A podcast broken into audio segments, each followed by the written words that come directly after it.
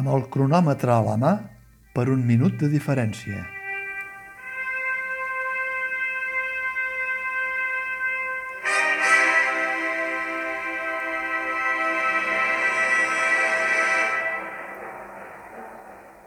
A la Junta Electoral Espanyola se li ha girat feina aquest 14F. El divertimento de fer despenjar pancartes, llaços i cartells que consideren partidistes, antítesi de la democràcia, i a la lingüisticofòbia de prohibir que els mitjans públics catalans pronunciïn les expressions presos polítics i exili, s'hi ha afegit ara la síndrome del cronometrador, com si estiguessin al marge d'una pista de tartà, els censors de la Junta Electoral Espanyola han exigit ara a TV3 que els faciliti cada dia i, atenció al detall, abans de les 12 del migdia, l'hora de l'Àngelus, un informe amb el minutatge exacte que els telenotícies i els vídeos que han destinat a cadascun dels partits que es presenten a les eleccions al Parlament de Catalunya del 14F. La cosa ve arran que el PDeCAT, les restes de l'extinta Convergència Democràtica de Catalunya, s'ha queixat perquè Junts per Cat, el paraigua on eren tots abans de l'1 d'octubre, el copaire Lluís Llach inclòs, va tenir 8 minuts i mig d'informació i ells, el PDeCAT, només 7 minuts i mig. És a dir,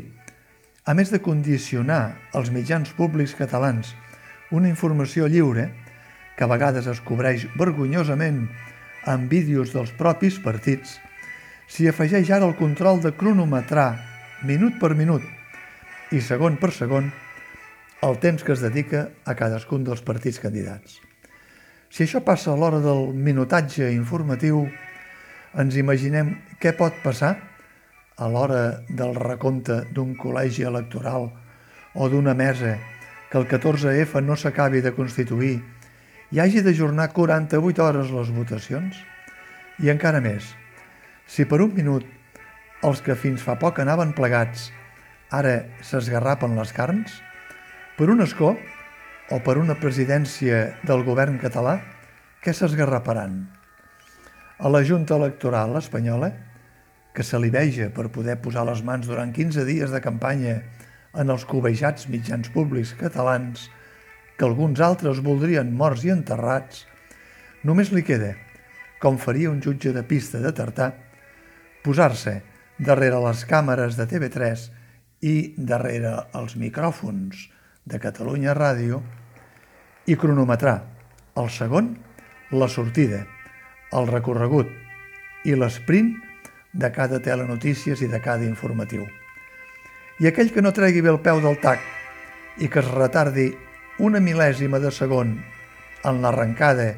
després del tret del jutge de sortida, anul·lar-lo de la cursa, com diu el reglament des dels temps del baró de Coberten. Potser, a falta de vots i de minuts, només així aconseguirien que les eleccions les guanyessin els seus.